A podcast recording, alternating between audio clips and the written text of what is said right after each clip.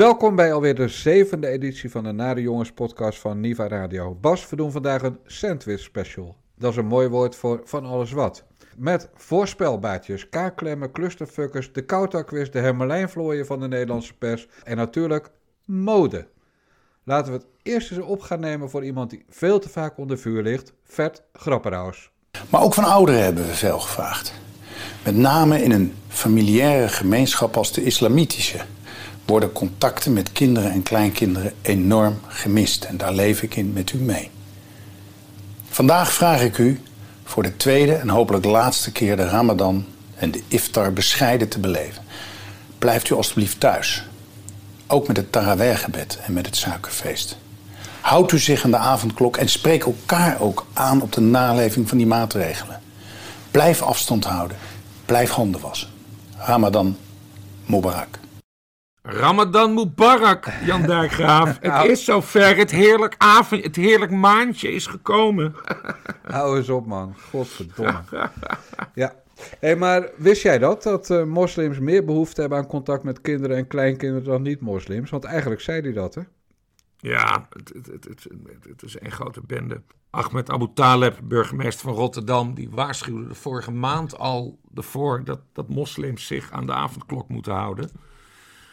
Alsof ze te dom zijn om te begrijpen wat een, uh, wat een avondklok is. Maar onze moslimvrienden schijnen toch op een andere manier uh, te moeten worden aangesproken dan, uh, dan de andere mensen in dit land. Ja, wat wel grappig was op zich, dat natuurlijk heel, heel rechts weer losging op, op die tweet van, van Grapperhaus. Met, met paas hebben we je niet gehoord en met kerst hebben we je niet gehoord. En, en jij had een soort primeurtje dat die... Uh... Nou ja, dat, dat, dat, was Geert Wilders die dat tweette. Ja, maar ook allerlei, voor allerlei Twitter-figuren, toch? Anoniempjes ja. ja, maar het was vooral van Geert Wilders ja. pijnlijk. Van, uh, oh, we horen imam... Uh, imam Grapperhaus hoor, horen we nooit met, met Pasen of kerst. En Grapperhaus die heeft to toen duidelijk even antwoord gegeven van... Nou, vriend Wilders, ik heb met Pasen de mensen een zalig Pasen toegewenst. Ik heb uh, met kerstdagen, dat zei hij trouwens niet, maar dat heb ik zelf gevonden. Ja. Dat deed hij op 18 december. Heeft hij iedereen prettige feestdagen gewenst. En de Joodse mensen heeft hij zelfs nog een prettig Pesach gewenst. Maar dit is een beetje dat, dat gezeik wat, wat echt... Ik ben gek op Geert Wilders, hè, dat is het probleem niet. Maar dit is wel een probleem van, van, van die rechterkant. Dat ze ook gaan zeuren over kerststollen en feeststollen en... Maar dat je dan ook nog eens fout zit. Van hij heeft nooit iets gezegd over kerstpaas of Pesach. Dat vind ik wel gênant hoor. Dat maakt het erger, hè? Dat maakt het erger. Ja, ja, exact, exact. Dat zouden linkse mensen nooit doen. Uh, nee, dat meen ik. Die zijn, die zijn veel slimmer. Ik bedoel, mensen op rechts, zoals dat heet, hmm. die gooien altijd hun eigen glaas in. Die, yeah. gaan, die gaan altijd domme dingen roepen, waardoor het niet meer gaat om de echte boodschap. Maar waardoor ze op de vorm kunnen worden aangepakt of op wat ze zeggen. Kijk, yep. alle rechtse aanslagen in Nederland bestaan uit één, één molotov cocktailtje, oftewel een rotje tegen een moskee. En er zijn plenty linkse aanslagen geweest, maar toch lijkt het alsof uh, moskeeën constant worden aangevallen in dit land. Ja, dat was die moskee in Enschede. Ja. Dat, heb, dat heb ik gevolgd. Ik vond het trouwens wel een serieuze terroristische aanslag. Jazeker, nee, ik, ik dol ook maar een beetje. Maar... Ja. Okay, je moet het, net als dat anderen zeggen, uh, Fortuin is niet echt vermoord, viel wel mee. En uh, denken van ja, laten we die... Nee, het was een molotov cocktail, ik bedoel, uh, simpel ja. zat. En dat mag ook niet. Maar als we gaan tellen hoeveel aanslagen ter linkerzijde en ter rechterzijde, dan, dan heeft rechts nog heel wat in te halen. Maar rechts is gewoon dom. Dus wat Wilders doet, ja, dat is waanzinnig stom. Want je moet nu gewoon drie jaar met Pasen je bek houden of met Ramadan. Ja, precies, want Wilders, Wilders is slim genoeg en hij heeft voldoende medewerkers. Check ja. gewoon even die exact. timeline van de minister van Justitie. Wat heeft hij allemaal gezegd de afgelopen uh, dagen of jaren? En dan, ja, dan kom je erachter uh, dat als je zoiets gaat tweeten, dat je dan nat gaat. En dat is hartstikke zonde. Ja, en nu we het toch over moslims hebben. Hoe vond je het debuut van Firuz Shauki? Ik heb geen idee wie dat is. Bas. Ik weet zeker dat jij dinsdagmiddag om twee uur hebt gekeken naar Virus Shauki. Dat is, is dat iets uit het vragenuur? Warm? Ga door. Ik zeg het nog een keer. Virus Alina Shaouki. Welke partij? Ik moet al die Kamerleden nog uit mijn hoofd leren. Nou ja, ze speelden een prominente rond, rol uh, tijdens het vragenuurtje. Dus er zijn niet zo heel veel mensen aan het woord geweest.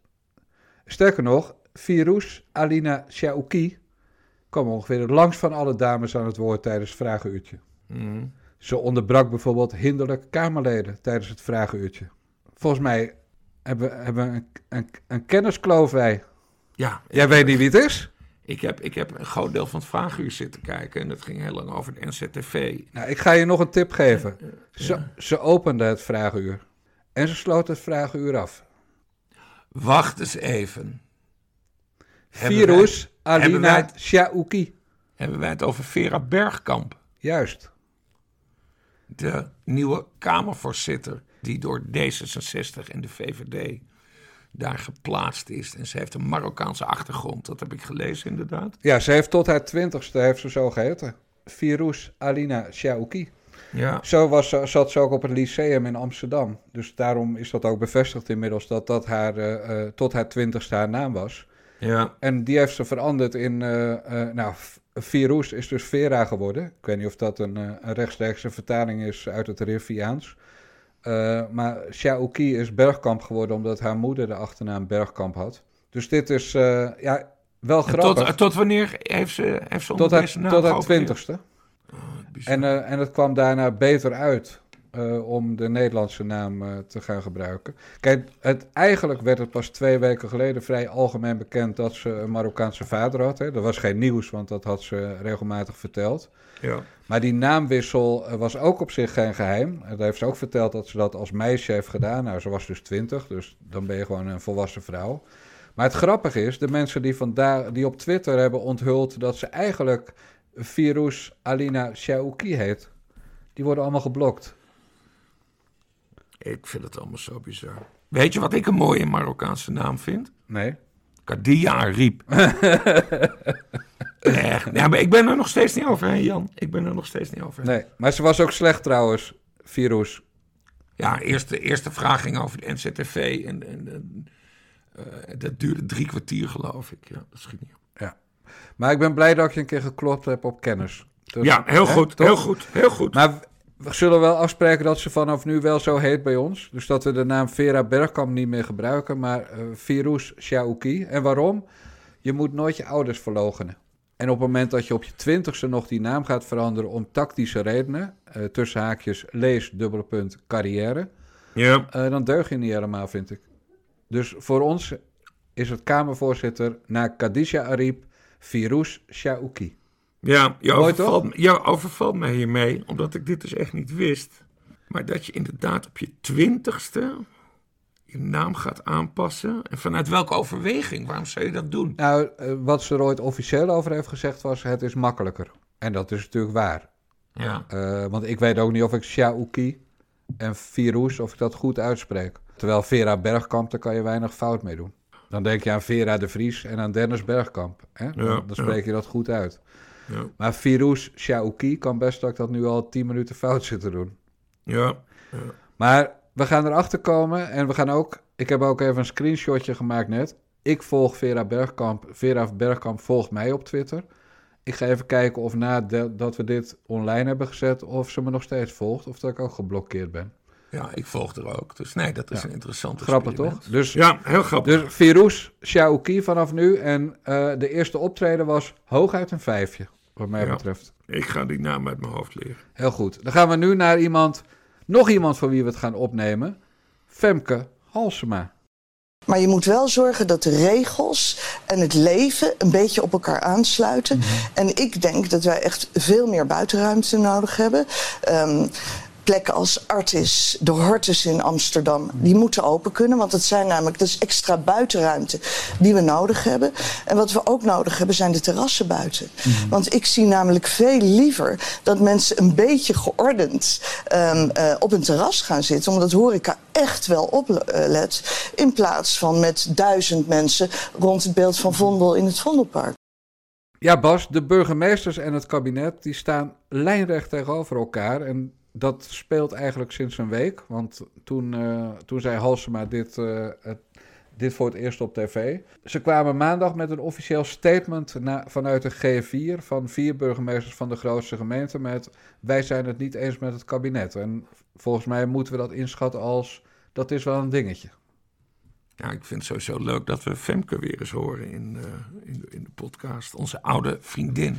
Onze oude columnist. Die, jij, die heb jij nog binnen gehad als columnist bij HP De Tijd. Ja, precies. Gratis. Het, gratis. En toen ging ze boos weg. weet je nog waarom? Dat weet ik eigenlijk niet meer waarom ze boos was. Uh, om, om, om, omdat een onderdeel van de uitgeverij van HP De Tijd... Een, uh, hoe, hoe noem je dat? Een politiek tijdschrift had gepubliceerd. en stond ze daarin dan? Ja, rokend. En dat, oh, rokend. Nee, ik dacht misschien dat ze met Joost Zwageman deed, maar dat was later. Oh my god, dat hebben we niet eens... Nee. Hoe heet, weet je nog hoe het heette? Want we hebben toen eenmalig roddelblad gemaakt. Ik dacht dat het Binnenhof heette. Heet het gewoon Binnenhof? Ja, het idee was, dat was, de, dat was in 2010, als ik het goed heb, bij de verkiezingen. Hmm. En het punt was dat toen voor het eerst politici hun privéleven gingen misbruiken om uh, zieltjes te winnen. Dat ging om de, de kinderwagen van Wouter Bos. Die liet zich in, met een lege kinderwagen, lege kinderwagen. fotograferen. En toen dachten wij, ja, als politici toch vinden dat hun privéleven besproken mag worden in verkiezingstijd, dan eh, gaan we er maar een tijdschrift over maken. Ja. En dat was. Uh, en daar stond ook bijvoorbeeld een heel flauw onderdeel in als de vuilniszakkentest. Ja. En toen ging een verslaggever van het Roddelblad Weekend, die ging bij een aantal politici langs. En uh, dat had uh, Nieuwe Revue al een paar keer gedaan. En Propria Cures, dacht ik, en Panorama. Dus zo nieuw was het allemaal niet. Ja, Propria Cures heeft het gedaan bij Harry Mulis volgens mij. Ja, precies. Ja, maar die andere tijdschriften hadden dat dus ook gedaan. Alleen, eh, de pest was, er kwam bij HP De Tijd slash Weekend slash Royalty, want die deed ook mee, slash Binnenhof, kwam er wel nieuws uit. Namelijk een zwangerschapstest bij Pechtold. Bij zijn eigen vrouw overigens, hè, voor alle duidelijkheid. Dus eh, het was gewoon de vuilniszak in Wageningen. Ja. Uh, maar er was ook iets met, uh, met minister Rauwvoet, was dat, meen ik. Deed hij toen jeugdzaken? Denk het wel. ChristenUnie had een minister toen, dat was, ja, ik denk Rauwvoet. Hmm. Weet jij dat nog of niet? Nee, weet ik niet meer. Nou, ik denk André Rauwvoet. Maar in elk geval, bij de minister van de ChristenUnie, waar ook de vuilniszak werd leeggehaald, daar zat dus een brief in van school dat het kind van die minister zich nogal misdragen had. Uh, ja, en die, die stond dus ook in het blad. Dus zeg maar, er kwam meer uit dan ze, ze, ze eten, ze kopen hondenbrokjes van dit merk en ze eten kaas van dat merk en ze gebruiken boter van dat merk en uh, koolhydraten en dikke kinderen, bla bla. Nee, er kwam uit dat, dat iemand die over jeugdzaken ging, uh, zijn eigen kinderen niet in bedwang had. En dat Pechtold nog een keer vader wilde worden bij zijn eigen vrouw, of bang was dat hij nog een keer vader werd bij zijn eigen vrouw. Ja. ja, dat leidde tot de nodige woede. Maar Halsema die was, uh, die greep dat wel aan om uh, de samenwerking met HP op te zeggen, waar ze die gratis column had. Maar de waarheid was natuurlijk dat ze pislink was, dat ze op de cover stond met een, met een peuk in het gezicht. Ja. Een beetje heel erg maaflodderachtig. Jij hebt trouwens toen ook nog een, een discussie met Pechtold hierover gehad, volgens mij. Nee, nee, nee, dat wilde hij. Of dat wilde hij? Ja, er was, uh, er was een, uh, een campagnestop bij die Tweede Kamerverkiezingen vanwege de uh, ramp met het vliegtuig in Tripoli. Hmm. Er was een vliegtuig neergestort en er was één Nederlands jochie, Ruben, die dat had overleefd. En toen besloten de politici tot een campagnestop. En die zou duren tot een, een bepaalde maandag, de maandag voor de verkiezingen. Hmm. En die zondagavond voor de verkiezingen belde Pechtold mij thuis, naar aanleiding van dat, dat Binnenhofblaadje. Meneer Dijkgraaf, wij gaan morgen naar, ik dacht Knevel en Van der Brink. En daar uh, ga ik u ter verantwoording roepen over dat blad. En toen zei ik, nou meneer Pechtel, dat doe ik niet. Want er zijn twee politici met wie ik nooit in discussie ga. En dat zijn Femke Halsema en u. En waarom niet? Omdat jullie mij heel erg op mijn irritatieklier werken. En dan heb ik mezelf niet in de hand. Dus ja. bekijk het maar. Dus Pechtold doorbrak eigenlijk die zondag de campagnestop die was afgesproken. Uh, doordat hij heel erg zat te dealen voor een uh, tv-programma met uh, ik wil scoren over de rug van de mensen achter Binnenhof. En toen is Mark van der Linden, hoofdredacteur van Weekend en royalty-deskundige, die is toen wel met Pechtold bij dat tv-programma gaan zitten. En die riep heel snel, sorry, sorry, sorry, hadden we niet moeten doen. En dat was natuurlijk precies wat Pechtold wilde. En toen konden ze ja, zeg maar HP-besje. Want ik was als hoofdredacteur natuurlijk degene die de klappen moest opvangen. Ja. En ja, jij weet hoe ik ben. Ik heb uh, met veel interesse de oplagecijfers van Binnenhof bekeken en die waren goed. Heb jij, heb jij er spijt van, van die vuilniszakken? A, was ik maar mede verantwoordelijk. En B, op het moment dat Propria Curis het heeft gedaan bij Harry Mulisch en dat leidt niet tot ellende en Panorama heeft het gedaan en Revue heeft het gedaan, dan zeg ik nee, dat is gewoon een, een leuke journalistieke gimmick die best wel weer eens herhaald zou kunnen worden in deze tijd. Want ik vind daar niet zoveel mis mee, eerlijk gezegd. Nou, het, was, het was voor mij enigszins ongemakkelijk, omdat ik toen nog actiever was in Den Haag dan nu. En ook nog over politiek schreef voor HP.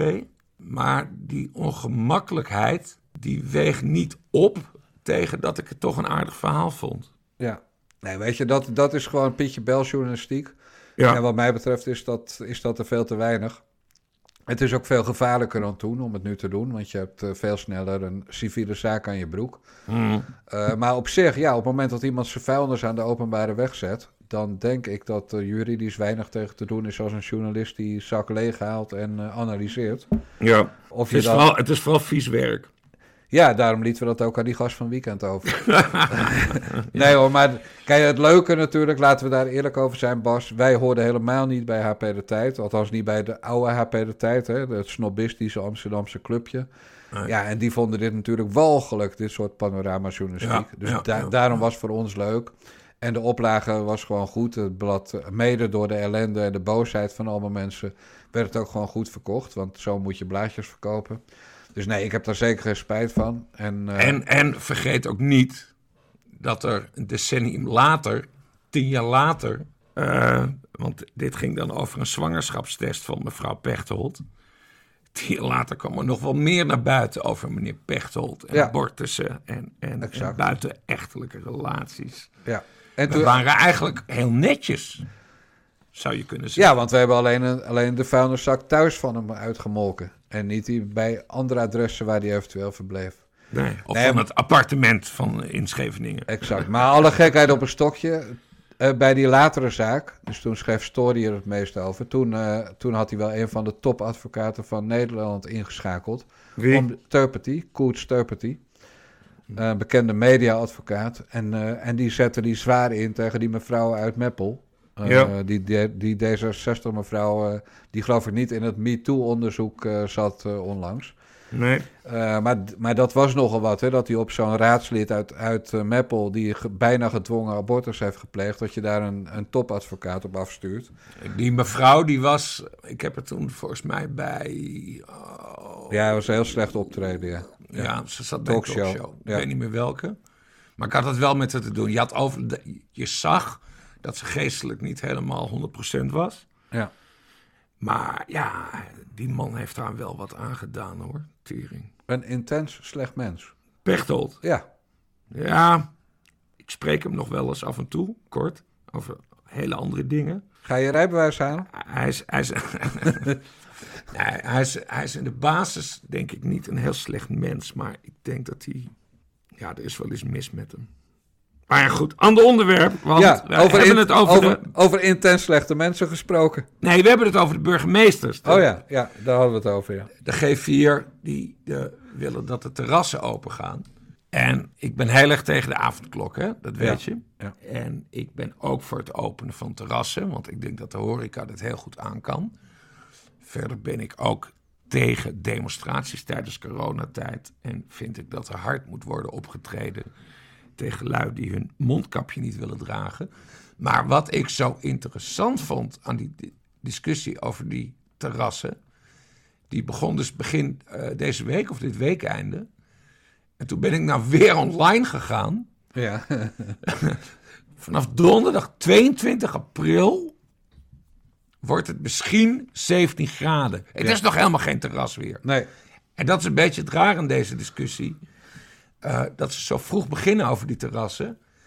En toen ik daarover een stukje over had getikt, kwam er een oud collega van jou en mij voorbij in mijn Twitter. Jan-Willem Navis zat vroeger bij Metro, toen wij daar zaten. Werkt nu volgens mij voor het AD. En die zei iets heel interessants tegen mij. Ooit geleerd van Carolien Geerijs. Dat is een uh, oud PvdA-wethouder in Amsterdam.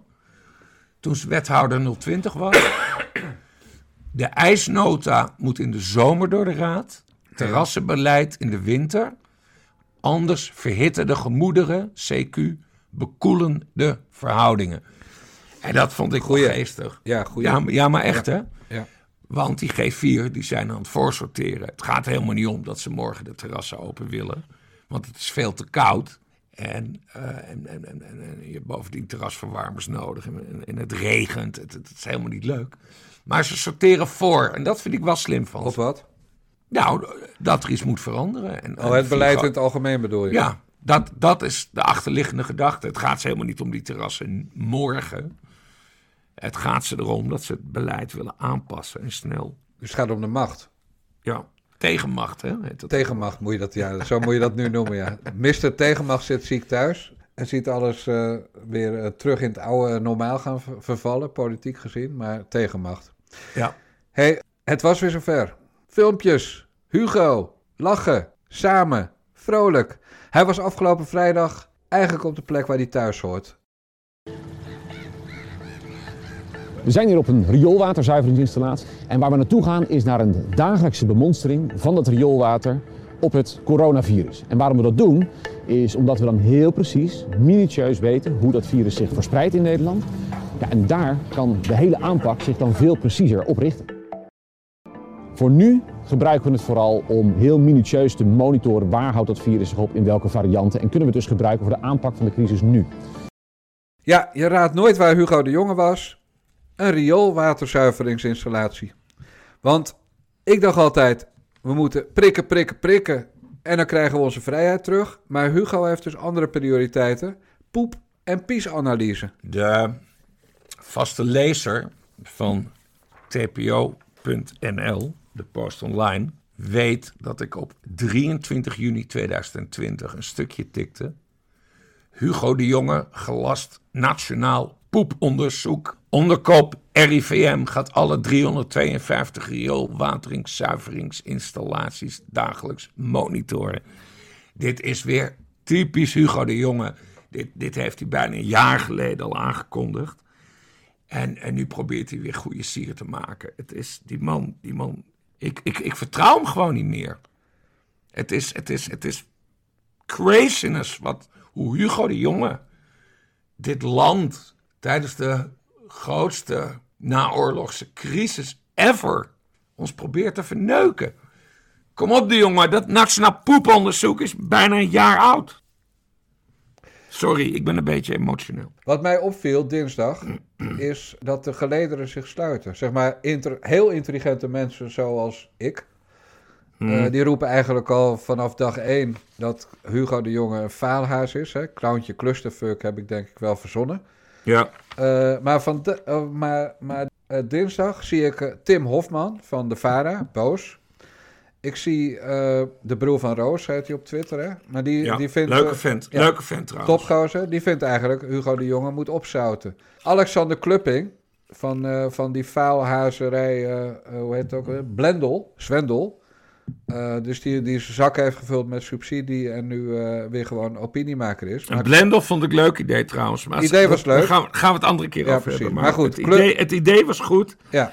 De execution, de uitvoering, die viel tegen. Oké, boeien. Maar Alexander Klupping, dinsdag, Hugo de Jonge moet eigenlijk maar vertrekken. Ja. Sheila Sitalsing, uh, niet altijd een groot fan van Hugo de Jonge geweest, maar dinsdag in de column in de Volkskrant overduidelijk. Uh, Hugo de Jonge leidt ons niet door een tunnel naar het licht, maar over een rotonde die eigenlijk dicht is. Ja. We blijven rondjes draaien. Kortom, nou, zie, nou ik maar bij Telegraaf ook uit, zeer Exact. Dus zeg maar, alle opiniemakers, columnisten, ook die ter linkerzijde, dus zeg maar de deugdkant, die altijd het goede in de mens zien, die zijn helemaal uitgekeken opeens op Hugo de Jonge. Dus hij blijft. Uh, we, hebben, we hebben al, eerder tegen elkaar gezegd hè, dat wij niet goed zijn in voorspellen. Dus ik ga niet zeggen dat Hugo de Jonge ergens deze week gaat aftreden. Maar vandaag had Follow the Money een verhaal dat Hugo de Jonge een klein miljard euro heeft overgemaakt voor sneltesten. In een private stichting. Specialisten zeggen dat is in strijd met de wet. Het is zonder toezicht gebeurd.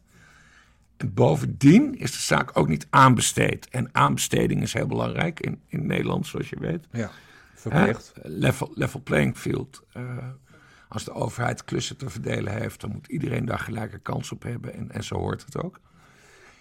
En nou, dit debat vindt pas donderdag plaats, het, het reguliere coronadebat.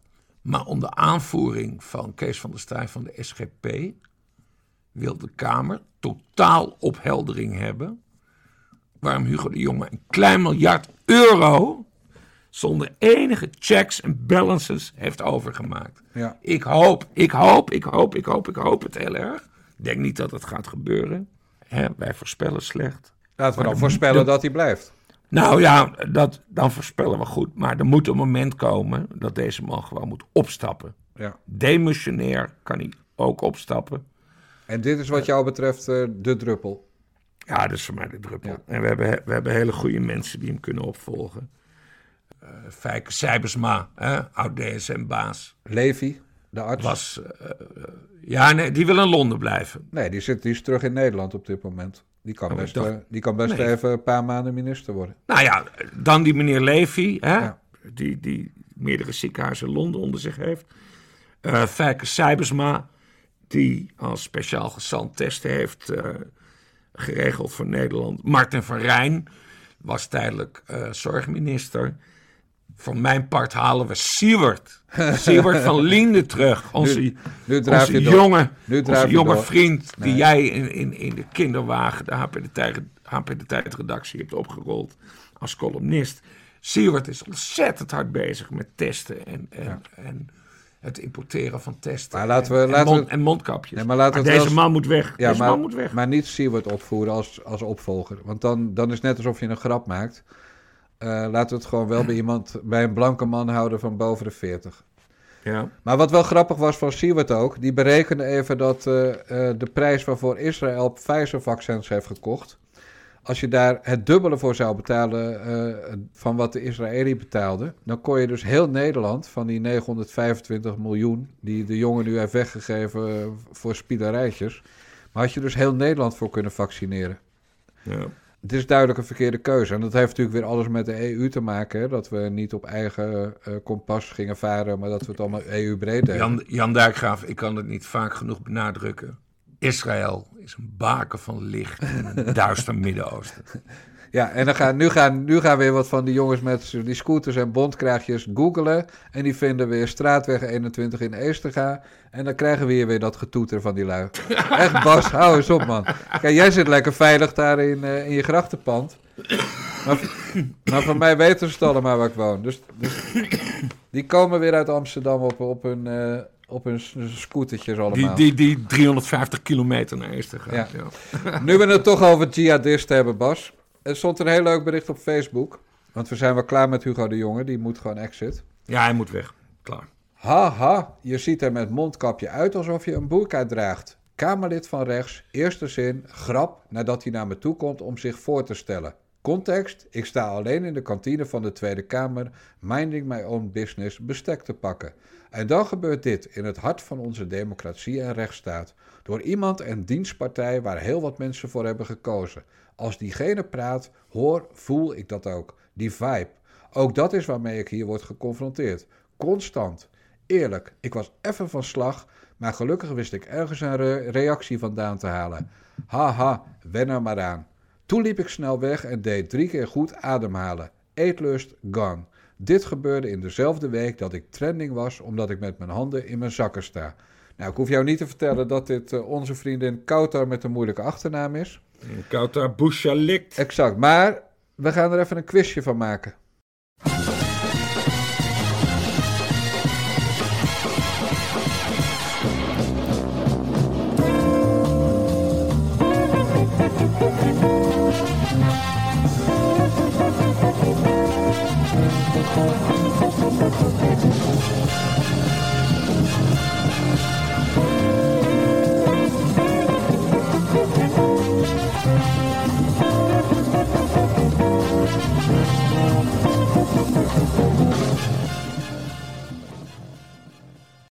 Oh, dit is, dit is heel grappig. Als, als jochie keek ik naar uh, Wie van de drie? Met Albert Mol. Dat is de eerste keer dat mij op tv werd uitgelegd wat een homo was. En dat is uh, deze tune, toch? Of niet? Ja, absoluut. Ja. En het programma is trouwens terug uh, sinds een paar maanden. Met uh, een nieuwe Albert Mol in de hoofdrol. Dat is Martien Meiland. Misschien heb je wel gehoord dat ik die, een boek over hem heb geschreven. Is die, is, die, is die homo? Men zegt het. maar het is inderdaad wie van de drie. Want Kouter beschuldigt gewoon rechtse partijen. Nou, la laten we vaststellen dat voor haar iedereen rechts is. Maar het meest rechts worden geacht de PVV, Forum voor Democratie en Ja21. Dus de vraag is, was het iemand van een van die drie partijen of was het iemand van de vierde partij? En die noemen we dan Fabuleren 21. Oftewel, als je geen namen noemt, kan het makkelijk verzonnen zijn. Ja, maar dat is het, dat is het probleem van wat die Qatar hier heeft gedaan. Op, uh, ik vind trouwens dat we haar bij haar achternaam moeten noemen. Busha Likt. Likt. Want het is toch een beetje denigrerend als je een vrouwelijke politicus alleen bij de voornaam noemt. Nou, het is vooral te vriendelijk voor een, een, uh, een familie van de moslimbroederschap. Nou, wat, wat ik vooral stuitend vind, is dat ze dit zo op Facebook gooit, wetende dat bepaalde media dat zullen oppakken, maar dat ze geen namen noemt. En uh, ik heb wel een vermoeden uit welke partij het komt. Het is namelijk niet een PVV'er geweest. Want dan had ze gezegd: deze PVV'er heeft mij lastig gevallen in het ledenrestaurant of de kantine, zoals zij het noemt, uh, van de Tweede Kamer. Het is niet iemand van Forum voor Democratie geweest, want die had ze dan ook exposed. En het is ook niet iemand van Ja21 geweest, want die had ze dan ook wel exposed. Dus het kan niet anders of het was een VVD'er. En waarom noemt ze niet de naam van de VVD? Omdat GroenLinks hoopt misschien in een hele moeilijke constructie nog te kunnen meeregeren met een VVD-premier. En dat zeg ik niet per definitie Mark Rutte. Dus nee, ik, ik heb iets van. Gewoon nemen en shamen of je muil houden. Dit Ja. is zo flauw. En, en ze maakt er een kleuterschool van. Nou, dan moeten we nu gaan raden of zo wie het is. Rot Ja. op, joh. Maar Rot denk op. jij, denk jij dat een VVD'er in staat is tot zo'n dom fout grapje? Nou, ik vind het niet eens een dom fout grapje. Het is gewoon. eh, eh, hè, het is de eerste keer volgens mij dat er een hoofddoek in de Tweede Kamer is. En, en VVD'ers, ja, dat zijn niet de meest empathische mensen. Eh, ja, dan, dan zeg je misschien iets ongemakkelijks. Dat hoeft helemaal niet kwalijk te zijn. Nee, maar ik, ik geloof niet dat iemand die in de Kamer zit... die een beetje zijn middelbare school af, af, heeft, eh, af heeft gemaakt. Maar haha, je ziet er met je mondkapje uit alsof je een boerka draagt. Dat zegt iemand gewoon niet. Ook niet Ja, maar op- ze zien ook- mensen, met, ze gewoon. men- mensen met een hoofddoek die een mondkapje dragen. Dat ziet er toch uit als een burka? Ben ik dan gek? Ja, maar dat zeg je niet. Niemand is zo ongeciviliseerd dat hij dat in het Tweede Kamergebouw tegen haar zou zeggen. Jij denkt dat ze het helemaal heeft? Ja, dat heeft ze verzonnen. gefabuleerd. Tuurlijk heeft ze het verzonnen. Nou, dat zal wel heel kwalijk zijn. Daar Ja. roep ik haar hierbij op om... eh, Ja, a pics or it te- didn't happen. ze, luistert, ze luistert niet naar de nare jongens, denk ik. Nee, nou, Maar dan roep wel. ik haar wel op om nu te zeggen wie het was. Want ik heb daar helemaal niet bij stilgestaan. Ik, Jan Dijkgraaf, ik ben soms te goed gelovig. Ik Ja. denk dat dit haar echt is overkomen. Maar jij denkt, ze heeft dit gewoon verzonnen Ja, zelfs. natuurlijk. Dit is, eh, dit is een van haar eerste bijdragen aan het debat. Even laten zien dat rechts, eh, ra- ja, racistisch, laten we het maar zo zeggen, xenofobisch is. Eh, ik denk, ja, dit- niemand, niemand praat zo. Haha, je ziet er met je mondkapje uit alsof je een boerka draagt. Waarom zou iemand dat zeggen? In de Tweede Kamer. En wat zij dan in de kantine noemt, alleen dat al. Als je niet weet wat het ledenrestaurant heet. Ik bedoel, waar, waar hebben we het over? Je bent, het is gewoon een grietje van de straat. Een ordinairtje. En op een Ja, dat viel, mij, dat viel mij trouwens op aan, aan, aan wat ze op Facebook schreef. Allemaal, allemaal teksten die ik helemaal niet ken. Dat, Ja. dat, dat is een bepaald slang wat daar wordt Ja, gehanteerd. precies. Nee, we hebben echt, we hebben echt gewoon een rappertje eh, in de kamer, hoor. En een rappertje met, eh, met mogelijk eh, brandgevaar. Hé, hey, maar even wat anders, want we zijn nu toch quizjes aan het doen. Eh, ik zeg dus, jij zegt VVD'er en ik zeg Fabuleren 21. Zij heeft het verzonnen. Maar er was, van, er was nog een hele leuke quiz. Wiens kamer heeft Caroline van der Plas gekregen? Weet jij dat? Want die twitterde namelijk een foto van het toetsenbord dat haar ter beschikking is gesteld van onze belastingcenten. En dat was mijn partij Goor. Dat was bijna alsof het door de poep- en piescentrale waar Hugo de Jonge was geweest was gehaald. Gewoon een toetsenbord met allemaal vieze, smerige zwarte vlekken erop had ze gekregen. Ik herkende dat toetsenbord. Vertel. Want de Tweede Kamer ligt vol met zulke toetsenborden.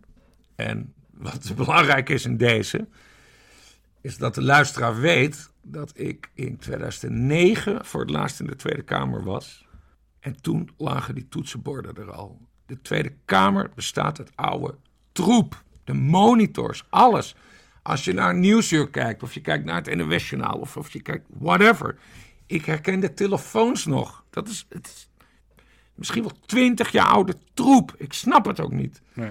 Je, gewoon nieuwe kamer, alle toetsenborden weggooien. Iedereen een nieuw toetsenbord. Hoe ingewikkeld is het? En die arme Caroline van der Plas. Ja, die ziet zich gedwongen nu om met een sopje. Ja, nou, met een sopje kan het niet eens. Maar om dat zo'n toetsenbord te moeten. Nee, ik vind het echt heel, heel tragisch. Hoe, want dit is onze Tweede Kamer. Hè? Het gaat niet eens specifiek om Caroline van der Plas. Het gaat om 150 Kamerleden. En, en ja, daar hebben dus honderden medewerkers die met dit soort vieze oude troep moeten werken. Hoe kan dat nou? Is dat de verantwoordelijkheid van. Uh, ja, ik denk het wel, Bas. Ik denk dat we nu voor het eerst kunnen zeggen dat uh, uh, Virus Gaoukwi, dat die in de fout is gegaan. Want die is als Kamervoorzitter verantwoordelijk voor, ook voor het materieel waar Kamerleden mee moeten werken. Ja, ja. Dus ja. Firouz Gaouki begon met een vijf bij het vragenuurtje, maar we gaan er nu gewoon een vier van maken. Ik, ik zou je vertellen, ik heb toevallig deze week een nieuw toetsenbord uh, gekocht. Ik noem het altijd het klavier. Ik koop drie nieuwe toetsenborden per jaar. Dat komt omdat ik heel intensief tik, zoals je weet. Uh, uh, verder eet ik achter mijn bureau. Roken. En, en ik rook achter mijn bureau. Ja. En, en, en ik, ik, drink koffie achter mijn bureau. Dus mijn toetsenborden die gaan gewoon ieder kwartaal gaan ze helemaal naar de kloten. En dan koop ik een nieuw toetsenbord. En nu heb ik een nieuw toetsenbord. En dat, ja, daar ben ik heel blij mee. In de Tweede Kamer gaat het dus niet zo. En ik vind het echt schandalig. Ja, dat ben ik met je eens. Maar goed, we gaan er toch even een quiz van maken.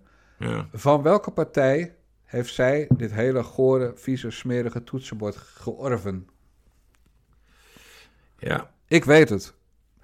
Ja, dan moet jij het zeggen, want ik, weet, niet, ik weet niet in welk gebouw ze zit. Hè? De Tweede Kamer is verdeeld in verschillende dat gebouwen. Weet dat weet ik ook allemaal niet. Ik kom er nooit. Dus maar, we gaan, zit ze dan? Weet jij waar nee, dat weet ik niet. Maar ik weet wel van welke partij de eigenaar was.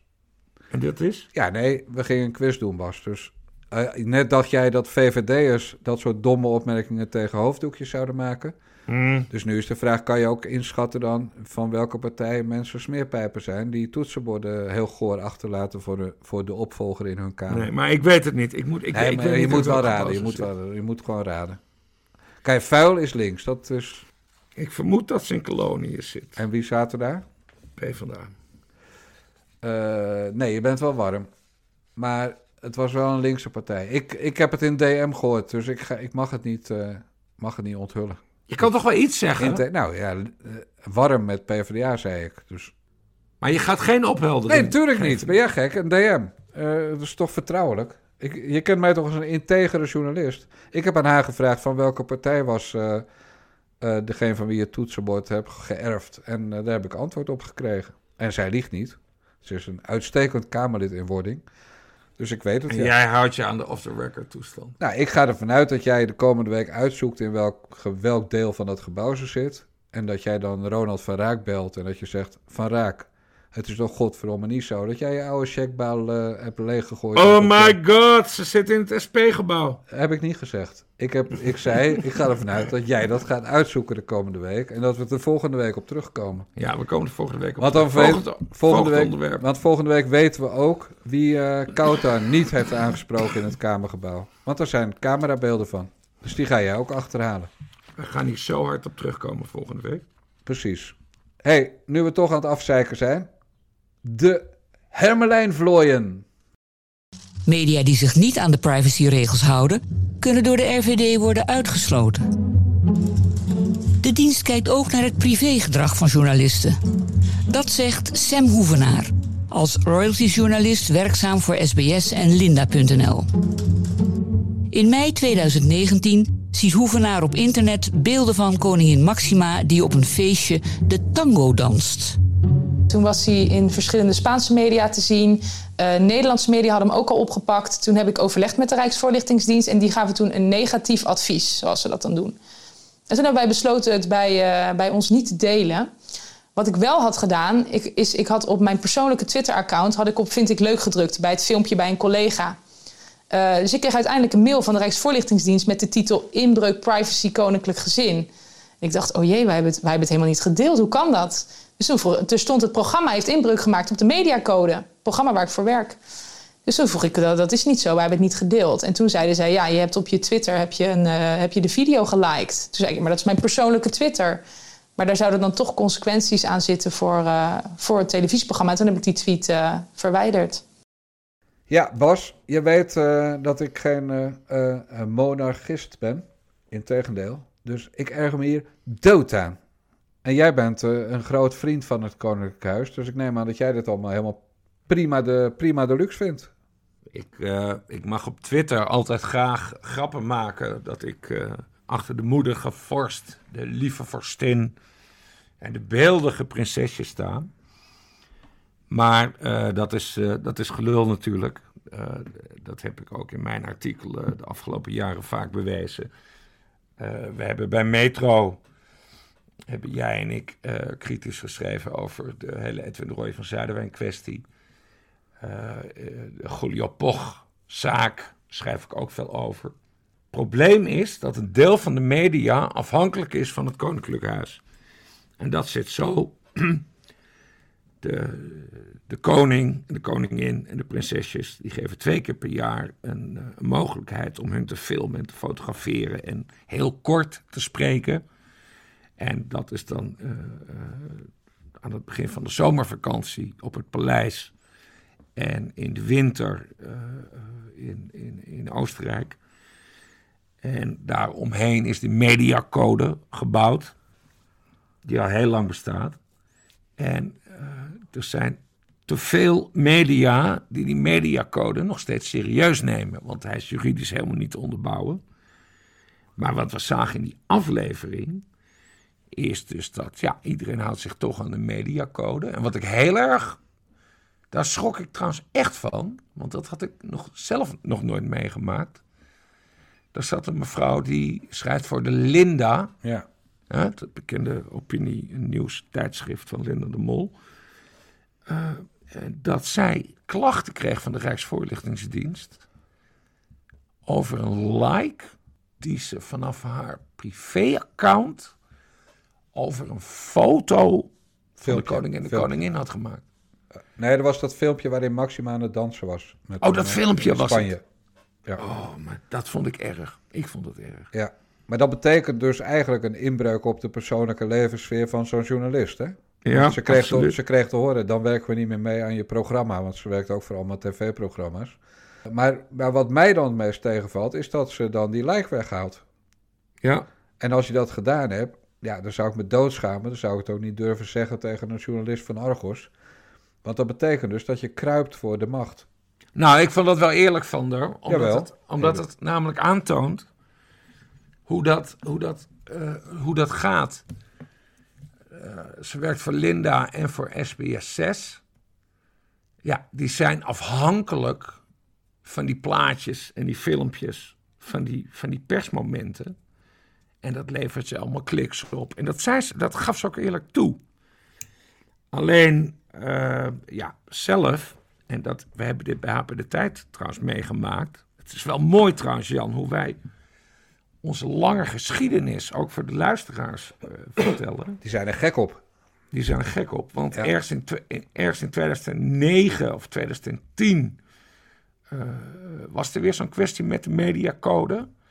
En toen hebben jij en ik de lezers opgeroepen: stuur foto's in van uh, koningin Beatrix. En toen, en toen hebben wij een hele reportage gemaakt, of reportage, heel item gemaakt van koningin Beatrix in een koetsje die door burgers was gefotografeerd. En we hebben daar nooit gezeik mee gekregen. En waarom kregen we er geen gezeik mee? Omdat wij niet aan die mediacode uh, meededen. En wij überhaupt geen interesse hadden in je, in je, in je burgerlijke kut fotoshoots op een berg in Oostenrijk of, of, of op Huis ten Bos. Of omdat de oplage van HP de tijd te laag was om, ze, om je druk om te maken als RVD. Dat kan ook natuurlijk. Nou, wij gaan, wij gaan echt nog een keer een, een, een, een aflevering maken over jou en mijn tijd bij HP de tijd. Want jij hebt de zwarte cijfers gedraaid. Maar goed, dat is een ander onderwerp. Ja, nee, dat is zeker een ander onderwerp. Maar die mediacode, jij zei, dat heeft geen juridische basis. Maar dat is natuurlijk het erge. Die heeft hij inmiddels wel. Want het, de, als er een rechtszaak is, dan beroept de RVD zich altijd op de mediacode.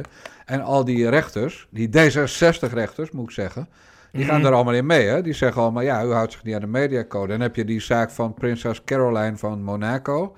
Die wordt al steeds aangevoerd als, uh, uh, als het gaat om inbreuk op de privacy. Maar het gekke is, die lui, die oranjes, die zeggen... Uh, bijvoorbeeld met die, die fotosessies, ja, dat, daar werken we dan aan mee. En dan laten jullie ons de rest van onze vakantie, laten jullie ons alleen. En als ze naar Griekenland gaan tijdens corona, dan is de, de reflex van de RVD, ja, dat is een privé-aangelegenheid. Dat gaat de media geen fuck aan. Maar op het moment dat zo'n meisje van SBS en Linda uh, privé een, een filmpje lijkt van een buitenlandse journalist, hè, dus uh, retweet het niet eens, maar ze lijkt het op dat moment, en dat doet ze privé, op dat moment gaat hun eigen argument met, ja, dat is een privé kwestie, gaat niet op. Nee, dan wordt de RVD op zo'n mokkeltje afgestuurd en die intimideert haar en ze haalt die lijk weg. Dus het is ook nog een keer uh, dat, dat de wetten die ze anderen willen opleggen voor hen zelf niet gelden. En dat is waarom ik zo'n tyfushekel aan het Koninklijk Huis heb. Ja, maar dat is, dat is een journalistieke uh, basisvoorwaarde die je moet hebben. Uh, die jij en ik delen. En bij SBS 6 en Linda overduidelijk niet. In grote lijnen moet je er scheid aan hebben. Je moet nooit buigen uh, voor de intimidatie van de Rijksvoorlichtingsdienst of het paleis. Uh, dat, dat heeft geen enkele zin. Ehm, wat ik trouwens wel interessant vond aan die aflevering van Medialogica... was dat ze een bepaalde foto niet durfde laten. De ja. geïnterviewde niet... Maar Medialogica zelf ook niet. Nee, op juridisch advies, ja. Ja, en, en dat is dus die foto die ik echt zo charmant vind. Het is, je ziet dan, uh, ze liggen in Griekenland met die, met die enorme speedboot van ze.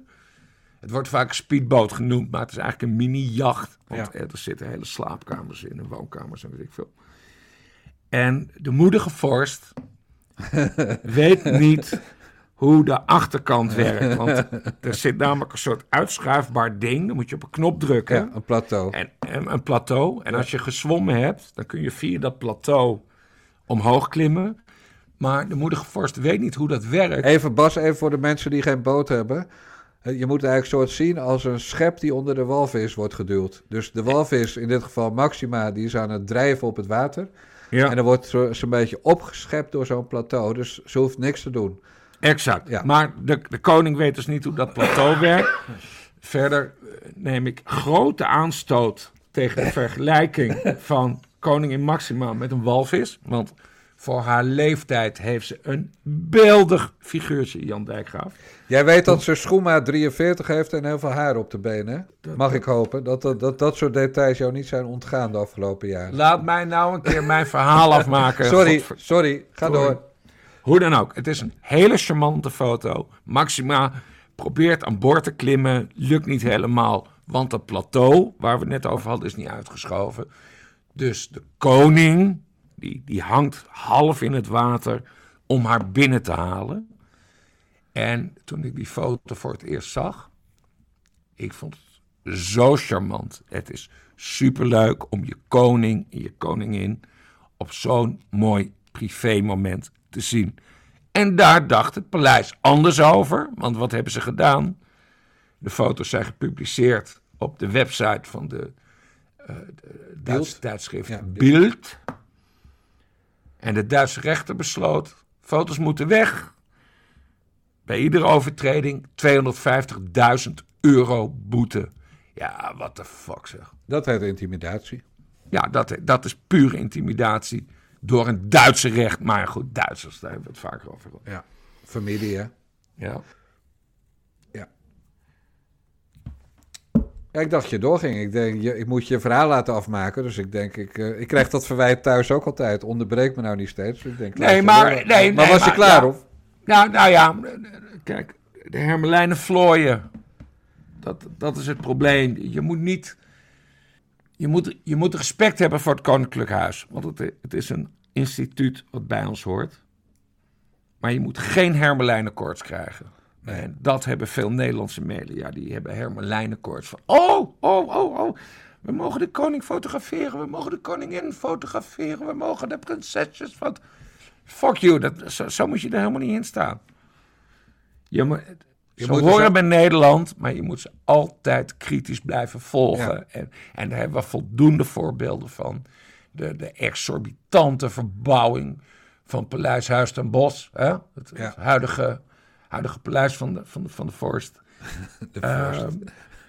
Uh, bij vorst denk ik toch altijd aan de Elfstedentocht hoor. En niet aan die Willy.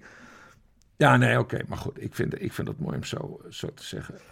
Uh, Julio Poch. Ja, schande. Echt, die is helemaal verneukt door het Koninklijk Huis. Uh, Edwin de Roy van Zuiderwijn, rare vent, geef ik gelijk toe, is wel verneukt door het Koninklijk Huis. Pers mag wel wat kritischer tegenover de Oranje staan. Ja, stel dat jij hoofdredacteur was, hè? En je, en je kreeg een foto aangeboden van Maxima die overduidelijk aan het vreemd gaan was met, ik, ik noem maar iemand, Jort Kelder. Zou je die publiceren? In de, dat doet ze dan in privé-tijd even. Voor Als ik hoofdredacteur was van wat? Nou, een roddelblad in Nederland, story, weekend, privé. Nee, ik schrijf niet voor roddelbladen. als, nee. als, die, als er een foto van een tongende, als er een foto van een tongende koningin Maxima met Jort Kelder mij zou worden aangeboden voor publicatie op HP de Tijd, dan moet ik eerst crowdfunden, want degene die, degene die die foto maakt, die wil heel veel geld hebben. Als ik dat geld had gecrowdfund, had ik dat ogenblikkelijk gepubliceerd. Ogenblikkelijk. Met als argument? Ja. Het is privé, hè? Mag niet. Mediacode. Nee, de, de koningin. Het is echt een bizar voorbeeld, maar... Nee, zij kunnen toch wel privé hebben afgesproken. Als koningin, dat ze elkaar, als, als, ze kunnen elkaar toch vrij hebben gelaten... Dat kan toch als, als koningin Maxima aan de tong is met Jort Kelder, dan beschouw ik dat als nieuws. En zet ik alles op alles om die foto te publiceren. En laat ik mij niet weerhouden door wie dan ook van de Rijksvoorlichtingsdienst of het paleis om dat niet te doen. Nee, oké. maar Jort Kelder zou nog kunnen, hè? Maar stel dat... Het maar heb jij aanwijzingen? Maar, nee, maar, maar, we gaan even wat verder in de hypothese. Stel... Nee, maar heb je aanwijzingen? Stel, Bas, Jij bent hoofdredacteur van HP De Tijd en je hebt gecrowdfund en er wordt de volgende week weer een foto aangeboden, namelijk van koningin Maxima, die aan het tongen is met virus Shaouki. Wat doe je dan? Vera Bergkamp, voorzitter voorheen, van de Tweede Voorheen Vera Bergkamp. Ja, voorzitter van de Tweede Kamer tongt met koningin van Nederland. Nou ja, goed, als, als, als, als koningin Maxima uh, het ene moment uh, aan de tongen is met Jort Kelder... en het volgende moment uh, speeksel aan het uitwisselen is met, met Vera Bergkamp... die ook een andere naam heeft, die ik mijn nog Virus Shaouki. Ja, nou, ik heb hem nog steeds niet aangeleerd. Kijk, dan is er een sprake van een patroon... Dus uh, ja, dan publiceer je dat natuurlijk. Maar dan zeg je eigenlijk, het is een sloerie. Nee, dat is, dat is jouw conclusie.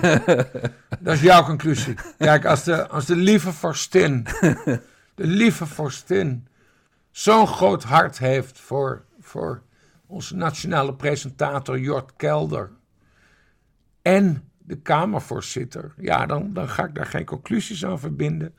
Ik zie slechts een rode lijn en ik acht mijzelf dan gerechtigd daarover te publiceren, zonder dat Rijksvoorlichtingsdienst of nationale advocaat of whatever mij daarop aanvalt.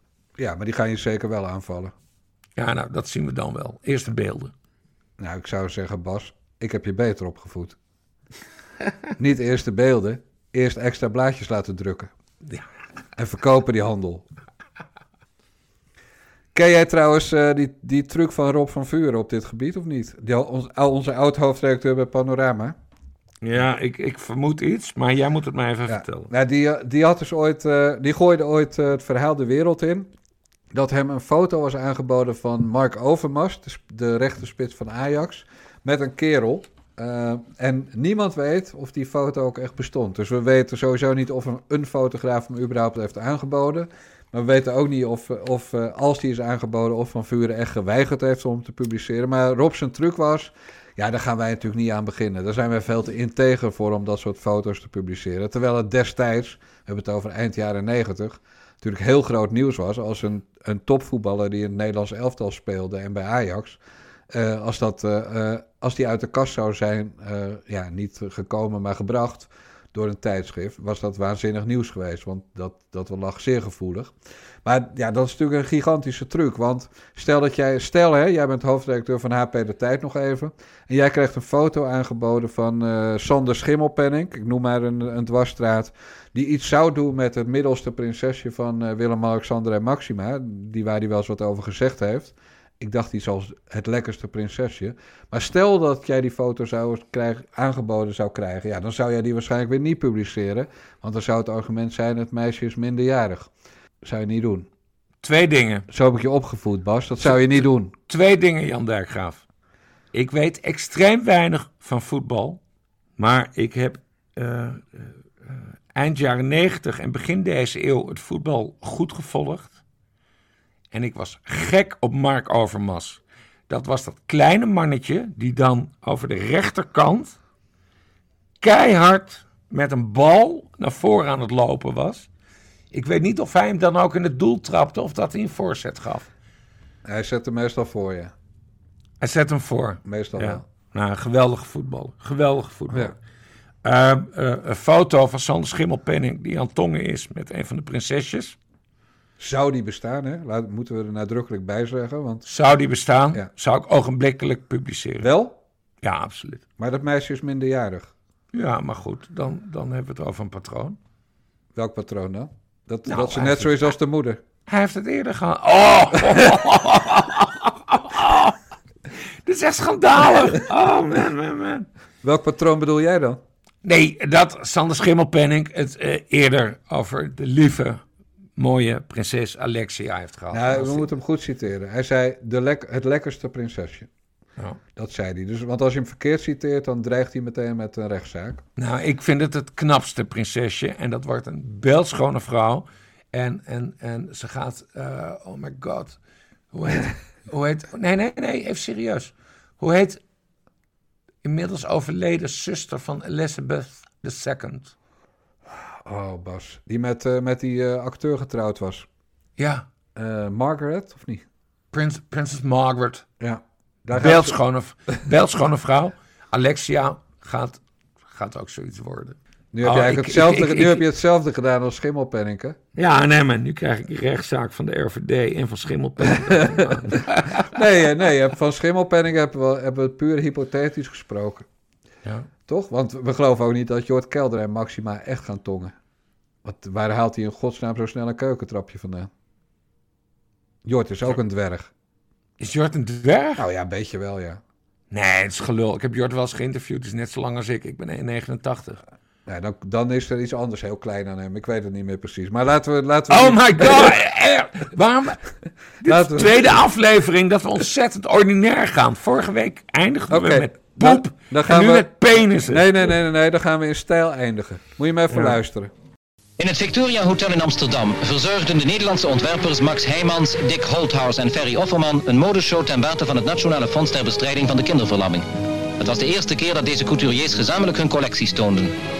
Met tal van ontwerpen, zoals bijvoorbeeld deze namiddagtailleur, bewees het driemanschap zijn talenten, die ook in het buitenland reeds waardering vinden. Offerman ontwierp een pikant hoofddekseltje bij zijn creatie Napoleone. Een groot cocktailtoilet dat veel succes had.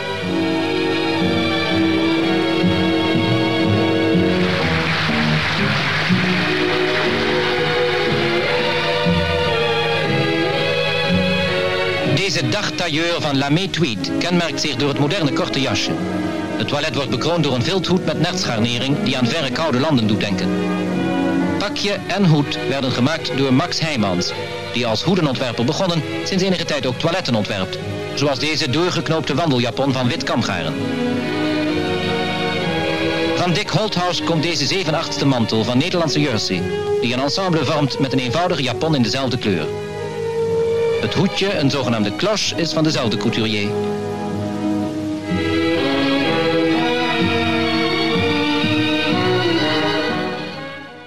Ja, Bas, want jij schreef namelijk iets over de kleding van een vrouwelijk Kamerlid. En toen kreeg je weer die hele Twitter-politie op je nek. Ik zal het even citeren voor de mensen die jou niet volgen op Twitter. Dat zijn namelijk de meeste Nederlanders. Je schreef: We geraken in de situatie dat Sylvana Simons nu al het best geklede Kamerlid is. En toen kreeg je een reactie van een Tom van Ervedorens. Ik dacht dat het om de inhoud zou gaan. En toen ging je over de rode. Vertel. Die uh, style tweets die maak ik al sinds 2010. Die gaan uh, over de Tweede, uh, Tweede Kamerleden en ministers en staatssecretarissen en hoe zij zich kleden in de nationale vergaderzaal. En dat doe ik dus echt al tien jaar, hè? Echt al heel lang. Ja. En toen tweette ik dus uh, dat de kerstverse Kamerlid Sofana Simons, hè, nog maar net in business, uh, zich wel ontzettend goed kleedt. En dat doet ze ook. Ik, ik moest ontzettend lachen tijdens haar installatie dat ze zo'n Surinaams mondkapje op had. Ze, ze, ze, droeg daarna een, een, een, prachtige wollen combinatie tijdens haar eerste debat. Haar gesprek met de informateur Cenk Willing, toen zag ze er ook prachtig uit.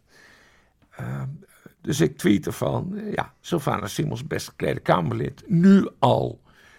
En toen ging het dus los, want ik werd aangevallen, niet zozeer alleen door Dom Rechts, hè, want Dom Rechts haat Sylvana Simons, ja. ik helemaal niet... Uh, maar ook voorstanders gingen naar mijn tweet. Oh, hoe durf je haar op haar kleding, kleding te beoordelen? En die jongen, Tom van Ervedorens, en dat is volgens mij een broertje van de middelmatige presentator. En dit meen ik niet, maar dan begrijp je hoe boos ja. ik ben. Want ik vind namelijk Bo van Ervedorens hartstikke leuke presentator. Ja, ja, ja. ja. To maar hij heeft, hij heeft dus vuige familie. Die ze, ik dacht dat het om de inhoud zou gaan. En toen kwam ik dus in de situatie dat ik zowel door links als rechts werd aangevallen omdat ik Sofana Simons een compliment maakte. En nou, dat, dat zei ik net dus. Ik doe die serie uh, op Twitter al tien jaar, style tweet. En ik was zo ontzettend, ja, niet gedeprimeerd, maar teleurgesteld.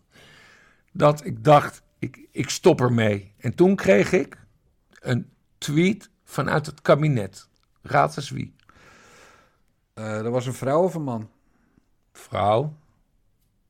Over wie jij wel eens iets complimenteus had geschreven, mag ik dan aannemen? Er zijn stijltweets over haar verschenen. Ja, Bas. Oh, kut. Nou, nou krijg ik een quiz voor mijn, uh, voor mijn kiezer. Ja, we gaan even terug quizzen. Ik neem aan VVD. Nee. Nou, dat, dat helpt al. Uh, Mona Keizer. Mona Keizer. Goed, hè? Best wel snel, of niet? In één keer heel ja, goed. Ja, ja. Mona Keizer tweette terug toen ik zei... Ik, ik stop maar met die staaltweet, want, want ik, heb, ik heb er 93.000 geplaatst. Maar het, ja, het is nu afgelopen. Palen voor de zwijnen. Het huis van Erve Dorens is tegen. En toen tweette de staatssecretaris van Economische Zaken en Klimaat, Mona Keizer van het CDA, niet doen. Je stijltweets zijn ter inspiratie aan een ieder. Mijn notering in stijltweet staat daarnaast in mijn hart gegrift. Die kan je helemaal niet verwijderen. En toen pinkte ik, Dijkgraaf... Een traantje weg. Een traantje weg. Wat lief. We zijn echt nare jongens aan het worden wij. Hè? Ja, echt Jezus, mooi man. Ja, wat erg. Maar Mona Keizer ziet er dus goed uit, wie jij ooit geschreven. Ja, maar ze ziet er prachtig uit. Ze is op, ze is op, uh, op uh, Prinsesdag altijd door een ringetje te halen. Ja, wie ziet er heel slecht uit in de kamer? Ja, dan moet ik even nadenken. Nou, laten we even, laat ik even een voorbeeld noemen. Die, die statements van Peter Quint. Ben je daarvan gecharmeerd of zeg je... die heeft iets te weinig gevoel voor decorum? Peter Quint is, dan, is die dan met zijn spijkerbroek en zijn t-shirtje. Ja, een beetje zweetvlek onder de armen. Ja, en, en, en zijn Kijk mij eens, kijk mij eens lekker hardcore zijn. Ja, Uh, Kadia Riep heeft hem daar een keer op aangesproken. Ehm, ik vind eigenlijk dat een Kamerlid zich daar niets van moet aantrekken. Van kleed je, zoals je wilt. Alleen, wat, ik, heb het daar, ik heb het er ook met Quint over gehad na de hand. Juist vanwege die stijltweets en dat dit mijn interesse heeft. Uh, Quint merkte toen dat zijn niet-conformistische kleding zijn politieke punt onderuit, onderuit haalde. Dus het ging niet meer over wat hij zei in de Kamer. Nee, het ging om wat hij droeg. En ik, ik weet niet of dat gesprek invloed op hem heeft gehad, maar uh, daarna heb ik hem zeg maar een net overhemd zien dragen of zo. Ja. Kijk, dat, dat, kijk, dat is het ding. Je kan er super mooi uitzien in de Tweede Kamer, maar het gaat om je politieke boodschap. En Quint heeft toen gemerkt, uh, het gaat niet om mijn boodschap, het gaat om mijn kleding. En sindsdien heb ik hem volgens mij ook niet meer met zo'n raar kort t-shirtje en alles gezien. Nee, het dieptepunt op het gebied van kleding, het is niet mijn vak hè, stijl... Hmm. Eh, maar dat was onlangs in de gemeenteraad van uh, Nijmegen. Dat heb je gezien, neem ik aan. Bellenmakers. In korte broek. De installatie van een raadslid in korte broek. Ja, korte box, hè? Korte hoe heet dat? Korte box? Korte box noemen ze het. Wat betekent dat dan? Is, is het dan mooier? Nee, maar ze noemen het korte box. dus... Mag ik trouwens iets...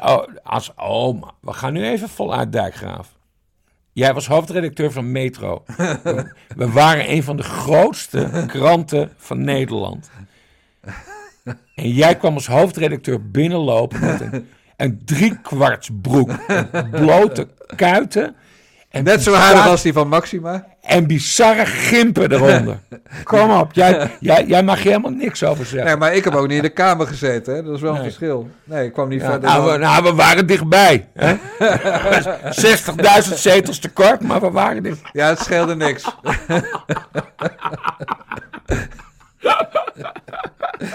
we kappen ermee. Hij was weer top, Jan. Mazzel tof. Vislaat. Dit was de zevende aflevering van de Nare Jongens podcast van Niva Radio. Onze website is nivaradio.nl. Doneren, en dat doen jullie inmiddels al heel behoorlijk, kan via narejongens.backme.org of via bunk.me slash nivaradio. En heb je tips, wil je ons overladen met complimenten of heb je gewoon wat te zeiken? Mail dan redactieassistente Naomi Q op redactie.nivaradio.nl. Tot de volgende week.